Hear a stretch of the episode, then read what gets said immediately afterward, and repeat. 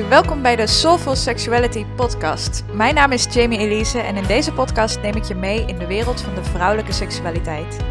Ik heb zelf tien jaar last gehad van vaginisme of pijn tijdens het vrijen, maar bevind me nu met regelmaat in de zevende sekshemel. En in deze podcast ontdek je hoe jij hetzelfde kunt bereiken. Want seksueel genot is je geboorterecht en dat hoeft niet gefaked of genegeerd te worden.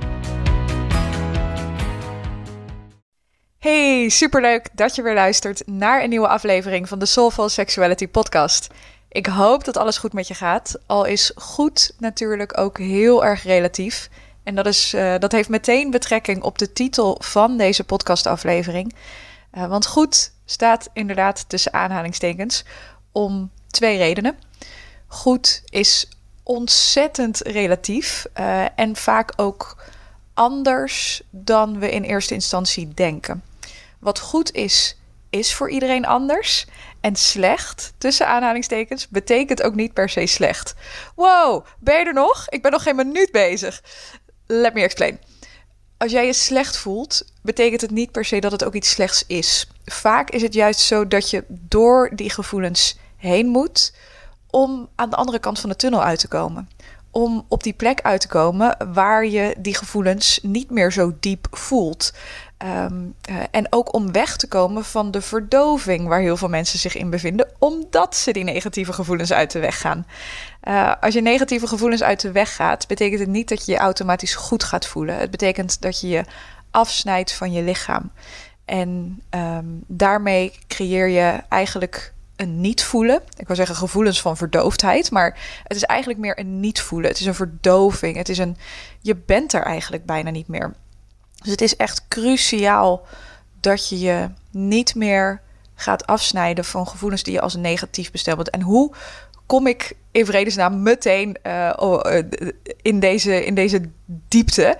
Uh, ik zat net uh, na te denken natuurlijk over de invalshoek van deze podcast. En dat doe ik meestal aan de hand van waar ik mezelf bevind in mijn leven. En Um, als je meerdere podcastafleveringen van mij hebt geluisterd, dan uh, weet je misschien dat ik afgelopen januari, februari, dat ik door een break-up ging, een connectie die eindigde, zonder dat ik dat wilde. Uh, ik, ik, was er niet klaar voor dat die connectie zou eindigen. Het was niet mijn keus, het was de keus van de ander. Um, en dat bracht heel veel shit naar boven, om het maar even zo te zeggen. En ik mocht echt door een periode van rouw en verdriet gaan. En ook juist heel veel rouw en verdriet vanuit het verleden uh, en vanuit de periodes waarin ik verdoofd door het leven ging. Het zij als beschermingsmechanisme in mijn kindertijd, omdat ik gewoon echt niet wist en niet leerde hoe ik met bepaalde gevoelens om moest gaan en hoe ik die moest voelen. Maar ook vanuit mijn latere leven, vanuit mijn puberteit, waarin uh, relaties misschien eindigden of waarin ik pijnlijke gebeurtenissen meemaakte. En ook nog steeds niet wist hoe ik moest voelen, omdat ik dat nooit geleerd had.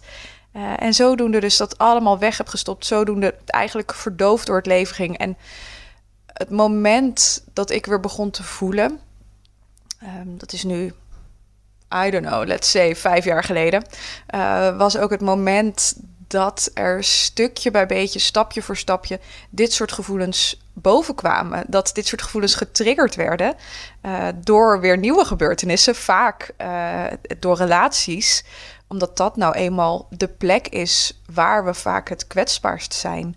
Uh, in romantische relaties, maar ook in vriendschappen natuurlijk en relaties tot, tot familieleden.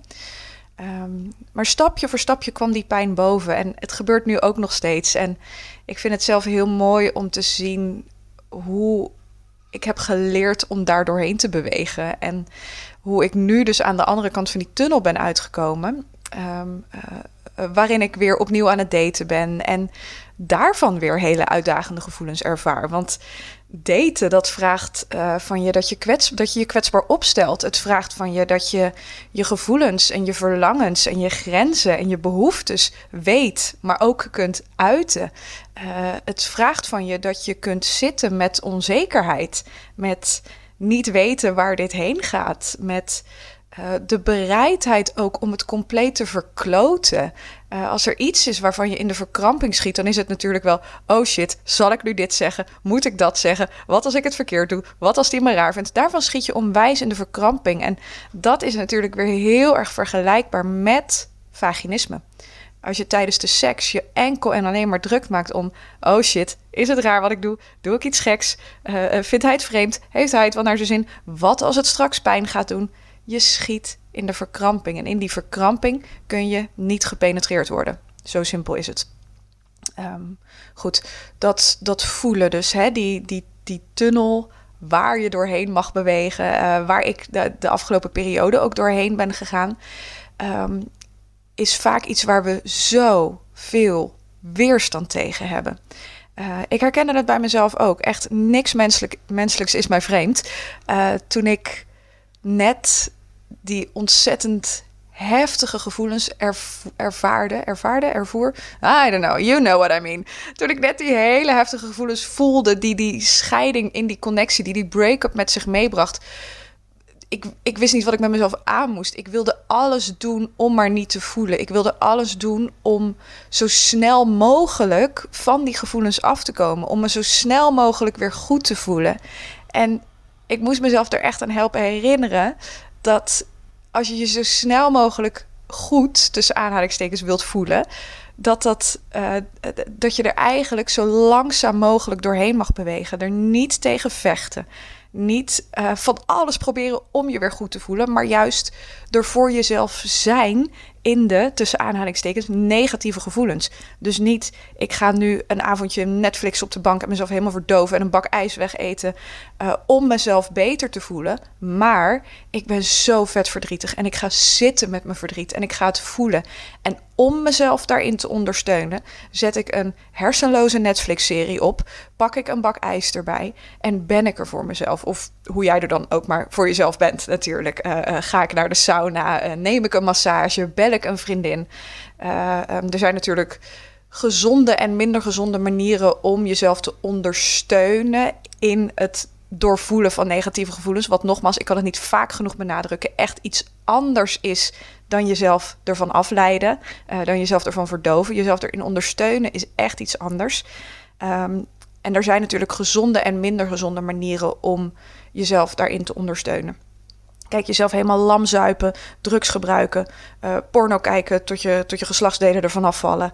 Uh, dat soort dingen. Dat, is natuurlijk allemaal niet per se gezond. Maar dat, zelfs als je dat doet, maakt het niet slecht.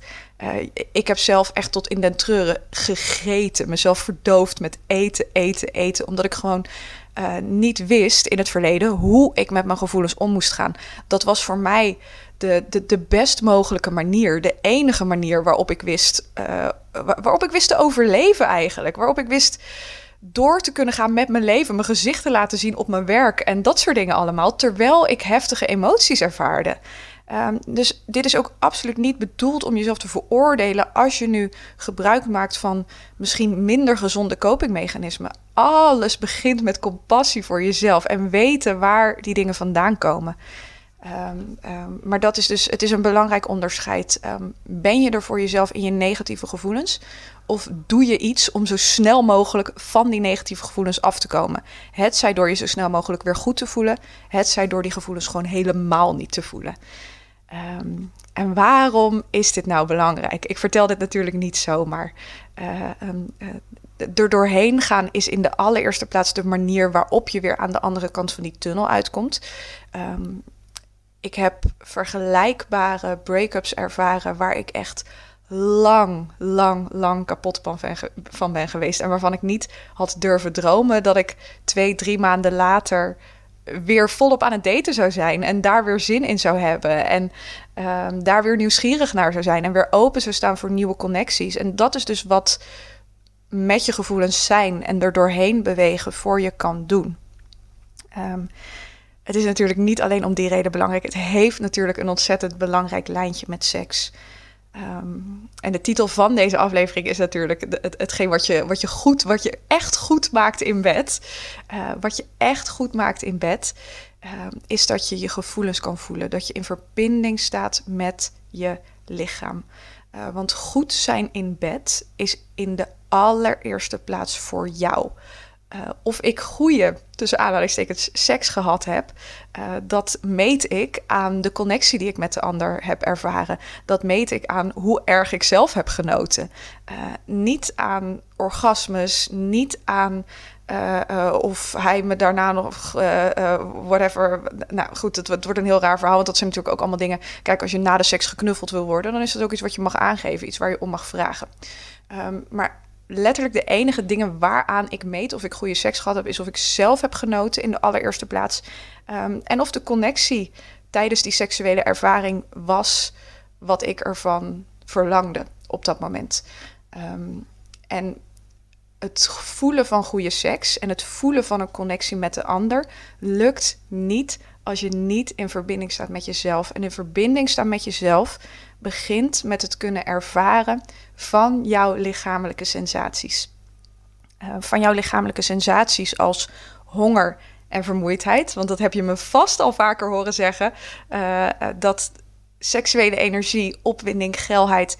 Het is een sensatie die door jouw lichaam beweegt, net als honger, net als vermoeidheid. En je geeft er uitdrukking aan met behulp van je lichaam, door seks te hebben met jezelf of met iemand anders. En ik, het, het, het lijkt me zo fijn als we seks ook echt weer op die manier gaan zien als niet iets waar zo'n ontzettende lading aan hoeft te hangen.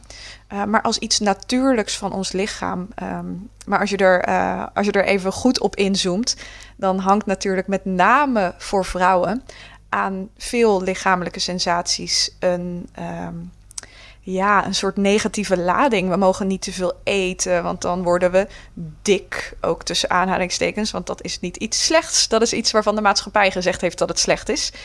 Um, ik ga nu niet in op de hele discussie over wat gezond is en wat niet. Ik leef zelf vanuit de overtuiging dat iedereen een uniek setpoint gewicht heeft. En dat is het gewicht uh, binnen een range van 10 kilo, dus 5 kilo meer of 5 kilo minder, waarop jouw lichaam goed functioneert.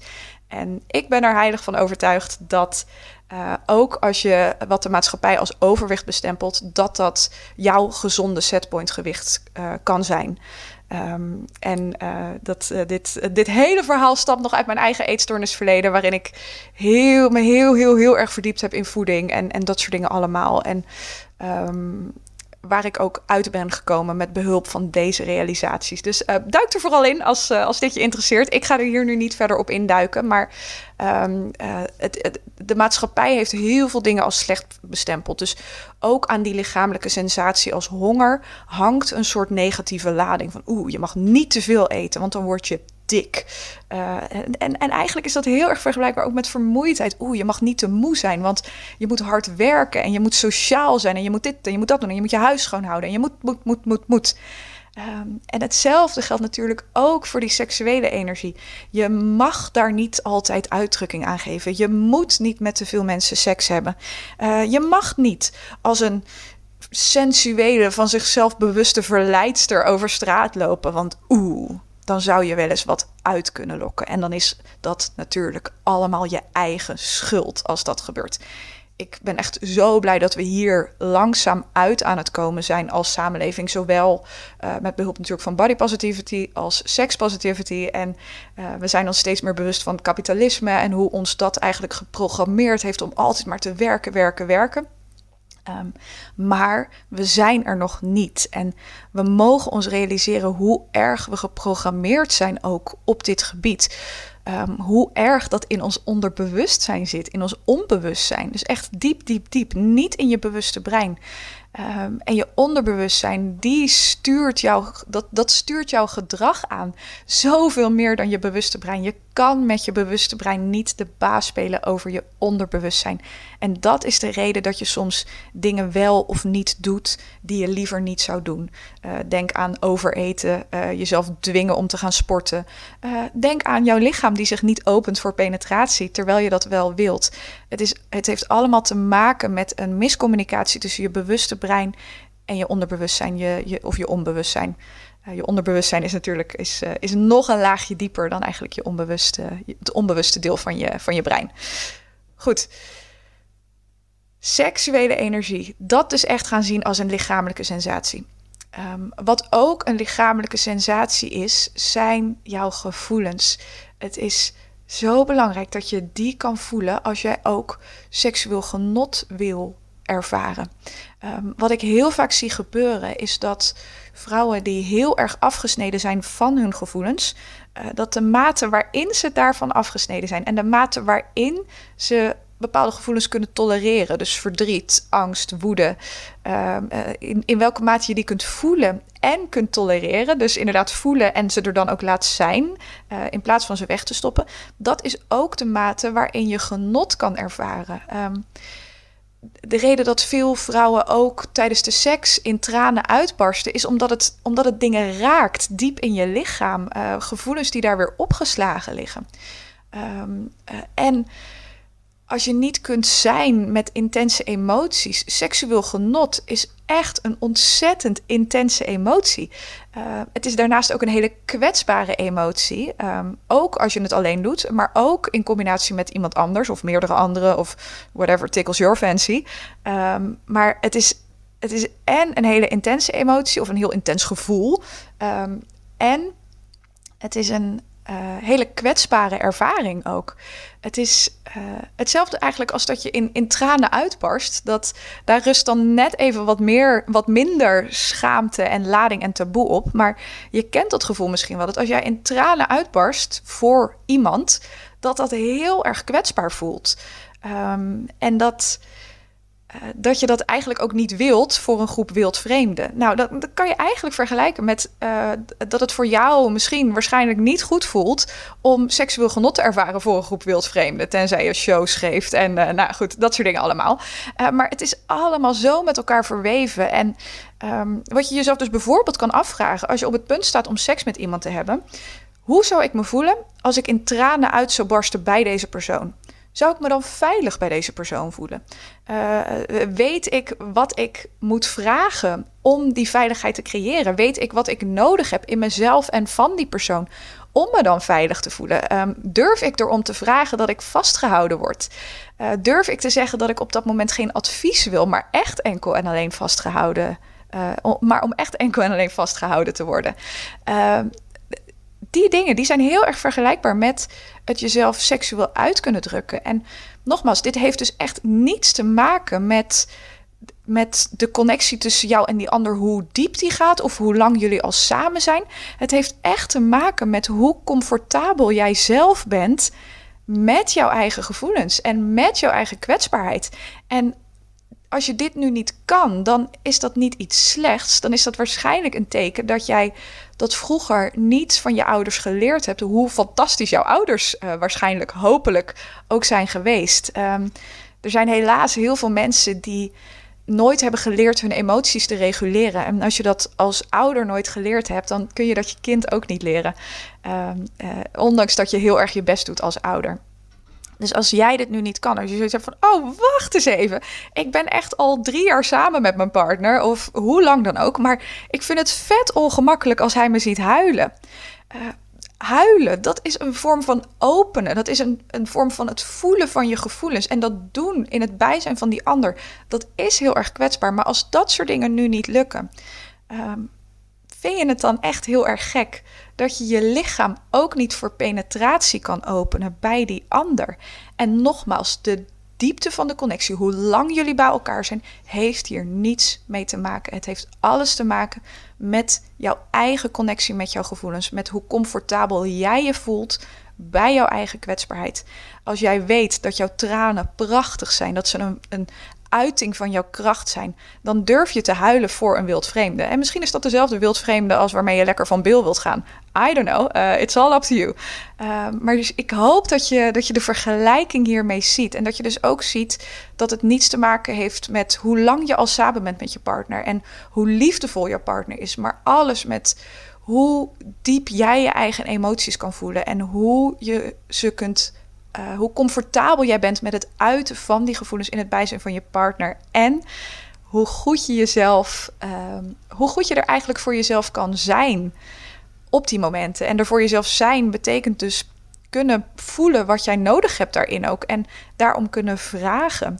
En dat is eigenlijk weer de volgende stap. Ik zal, het, ik zal eigenlijk de, ik zal de stappen voor jullie uh, uh, even voor je, voor je uitstippelen. Uh, want het is natuurlijk eigenlijk een vast stappenplan naar het weer kunnen voelen en het kunnen zijn. het kunnen voelen van al je emoties en het kunnen zijn met al je emoties. Want uiteindelijk is dat wat je goed tussen aanhalingstekens in bed maakt. Want uiteindelijk is dat de portal naar jouw seksuele genot. Naar het openen van jouw lichaam ook voor penetratie. Um, um, goed. Uh, de allereerste stap is dat je eigenlijk van verdoving naar voelen gaat. Als jij nu verdoofd bent, uh, als jij niet goed bij je gevoel kan, is het heel erg belangrijk dat je weer gaat voelen. Um, en de stap naar weer voelen uh, begint met bewustzijn. Bewustwording van de momenten waarop je je gevoelens wegdrukt. En als zelfs dat nu niet gebeurt, uh, dan, uh, dus als je je nu ook niet bewust bent van de momenten waarop je je emoties wegdrukt, is het heel erg belangrijk dat je de verbinding met je lichaam gaat herstellen. Door intuïtief te gaan bewegen op muziek. Uh, zet een, een, een, playlist aan op Spotify. Je kunt, uh, als je mij op Instagram zoekt, kun je in de link in mijn bio ook een hele mooie playlist vinden. Het heet een pre-self-pleasure playlist, maar gebruik hem vooral ook voor dit, uh, voor dit doeleinde. Um, zet mooie muziek op, ga erop bewegen. raak jezelf aan, maak geluid, want dat is hoe je energie in je lichaam beweegt. Uh, uiteindelijk zijn die emoties, gevoelens, het zijn lichamelijke sensaties die door jouw lichaam bewegen. En je stimuleert die beweging door zelf te bewegen, door adem te halen, door geluid te maken, door jezelf aan te raken.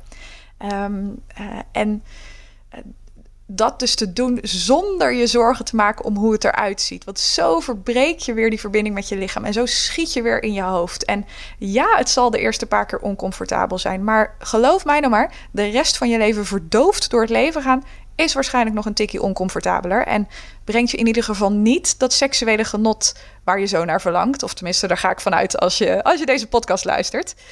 Um, dus dat is eigenlijk de eerste stap. Dat je van verdoving naar voelen gaat. Dat je weer gaat voelen. En zo eigenlijk al jouw vermogen om met jouw gevoelens te zijn vergroot.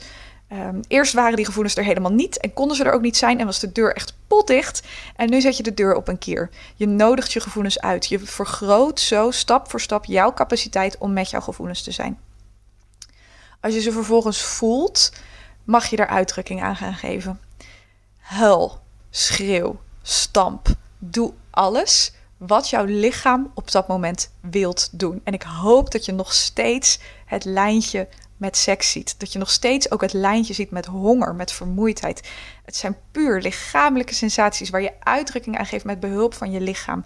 Als je honger hebt, dan eet je. En soms heb je zin in pizza en soms heb je zin in een groene smoothie. Uh, als, je gaat, uh, als je moe bent, dan uh, heb je soms zin in, in selfcare en de sauna en de massage of een dutje. En soms moet je gewoon 12 uur achter elkaar slapen of twee weken op vakantie. en hetzelfde geldt voor seks en hetzelfde geldt voor jouw gevoelens.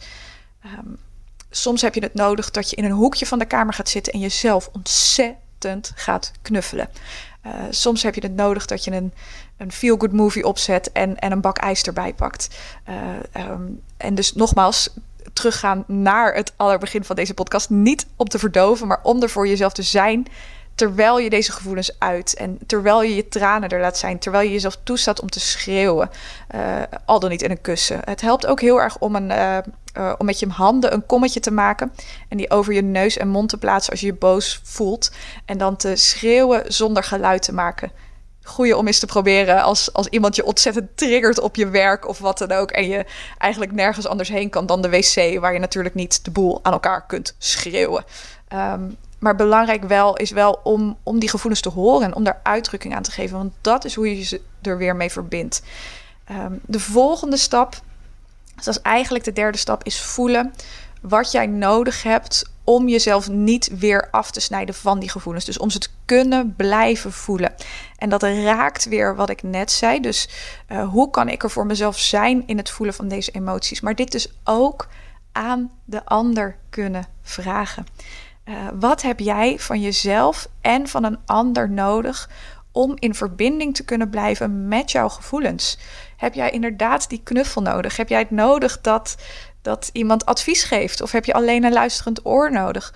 Ehm, heb je het nodig dat hij, uh, dat hij even de kamer uitgaat, zodat jij op een kussen kan stompen of, of, of even lekker kan in je handen kan gaan schreeuwen?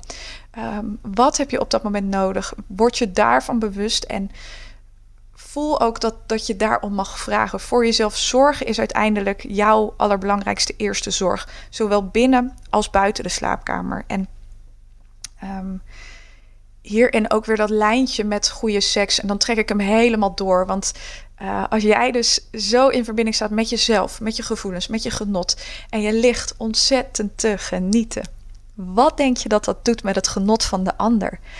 Um, elkaar zien genieten, dat is uiteindelijk waar je zelf ook ontzettend veel genot uithaalt. En hij geniet niet als jij niet geniet echt niet. Zou jij genieten als hij niet genoot? Als je zou weten dat het puur en alleen voor jou pleasure was en uh, dat hij er echt geen zak aan vond, dat hij zelfs pijn had? Nee, natuurlijk niet. Of dat hij zich in zijn hoofd druk liep te maken. Oh, zie ik er raar uit? En heeft zij het wel naar de zin? En ik wil dit eigenlijk helemaal niet. En ik vind het niet fijn. En nee, natuurlijk zou jij dan niet genieten. Je geniet als je weet en ziet en voelt dat de ander geniet. En daarmee um, vergroot je dus ook eigenlijk weer het genot van de ander als jij voelt dat je uitdrukking kan en mag geven aan jouw genot. En daar komt die kwetsbaarheid weer bij kijken. Hetzelfde als dat je uitdrukking geeft aan jouw verdriet door te kunnen huilen voor deze persoon. Um, zo kwetsbaar is het ook om jouw genot te uiten in het bijzijn van deze persoon. Um, en weet dus dat, dat dat kunnen. Ik heb het nou geloof ik al zes keer gezegd in deze podcast, maar het is zo belangrijk dat je dat onderscheid ziet. Uh, dat het dus niet afhankelijk is van hoe lang jullie al samen zijn en hoe lief hij voor je is, maar echt hoe comfortabel jij bent met jouw gevoelens, met jouw kwetsbaarheid. Um, en weet dus dat als je nu zoiets hebt van: oh shit, dat ben ik echt totaal niet. Uh, dat dat iets is wat je stap voor stap kan leren. Dat het iets is waar je stap voor stap naartoe kan werken. Oh, vrouw, als er iemand verdoofd van haar lichaam heeft geleefd uh, voor 24 jaar van haar leven, dan ben ik het wel. Ik, ik, oh, ik had paniekaanvallen, een eetstoornis. Echt, ik, ik wist niet eens dat ik een lichaam had. En als ik het al had, dan wilde ik er vanaf. En uh, als er iemand uit verbinding met haar lijf was, dan was ik het wel. En echt, als ik het kan, dan kan jij het ook. Um, echt gaan voelen, voelen, voelen. Um, en het tweede wat uh, het tweede element eigenlijk van goede seks is uh, communicatie. Die zat er, uh, je voelde hem misschien al even aankomen. En ik heb hem ook wel een beetje verweven door natuurlijk het kunnen uiten van, van wat jij nodig hebt op het moment dat jij er bent in je gevoelens. Maar dat kun je dus ook doortrekken naar het kunnen uiten van wat jij nodig hebt om van seks te kunnen genieten. En hoe je van seks geniet is voor iedereen anders. Ik was gister, uh, gisteravond, uh, keek ik naar een aflevering van Desperate Housewives. En ik ben echt weer helemaal verslaafd aan. Ik keek tot vroeger um, samen met mijn moeder. En toen kwam ik erachter dat het weer op, uh, of dat het op Videoland was. Dus toen ben ik het begonnen met kijken op Videoland. Maar het was maar beschikbaar tot 30 april. En het heeft echt acht seizoenen. En ieder seizoen heeft 21 afleveringen. En ik begon op 1 april. Dus ik schoot echt al half in de stress.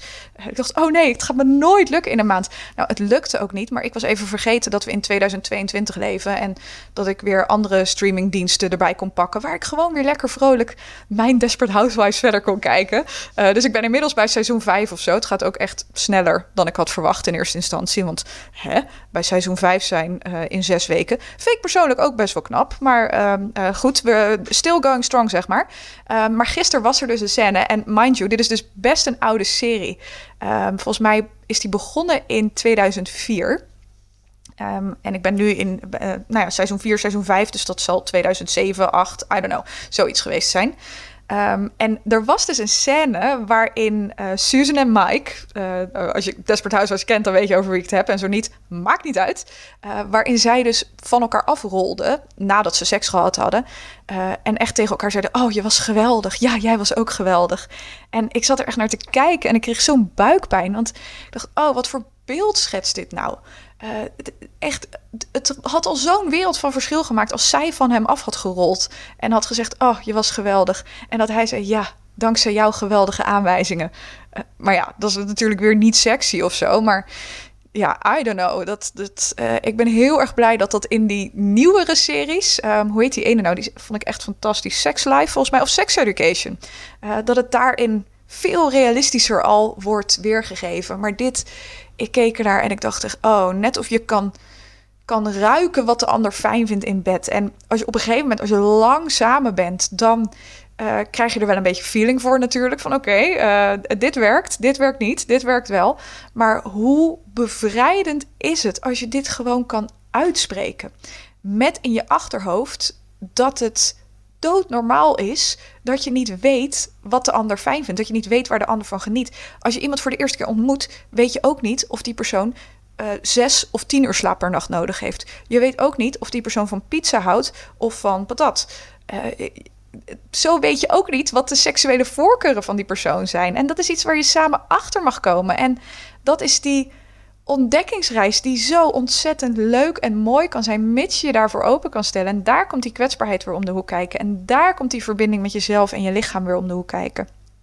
Um, maar juist het hierover kunnen communiceren en dit naar elkaar kunnen uiten, dat versterkt ook weer die connectie. En die connectie, um, dat is wat ik aan het begin van deze podcast zei. Dat, dat is echt waaraan ik meet of ik een goede, uh, en ik zeg eigenlijk altijd fijne, of ik een fijne seksuele ervaring gehad heb, meet ik aan de mate van de connectie die ik heb gevoeld met die andere persoon. En in de mate van het genot wat ik zelf heb ervaren. Um, en so, weet je, uh, side note, soms is het ook gewoon niet zo fijn. En dat, dat is ook oké. En dat zegt niets over die andere persoon. Dat zegt niets over mij. Maar soms ben je gewoon moe. Soms is het, dan, dan gaat het gewoon allemaal even niet. En um, dat niet kunnen accepteren is ook weer een vorm van met je brein de baas willen zijn over je lichaam. Uh, je dwingt je lichaam ook niet om een marathon te rennen zonder training. Je dwingt je lichaam ook niet om uh, 10 kilo patat weg te werken.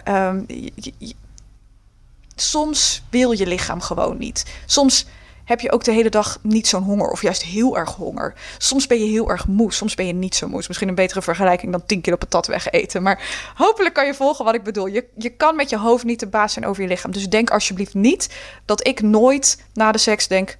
meh, het is wel eens lekkerder geweest, zeg maar.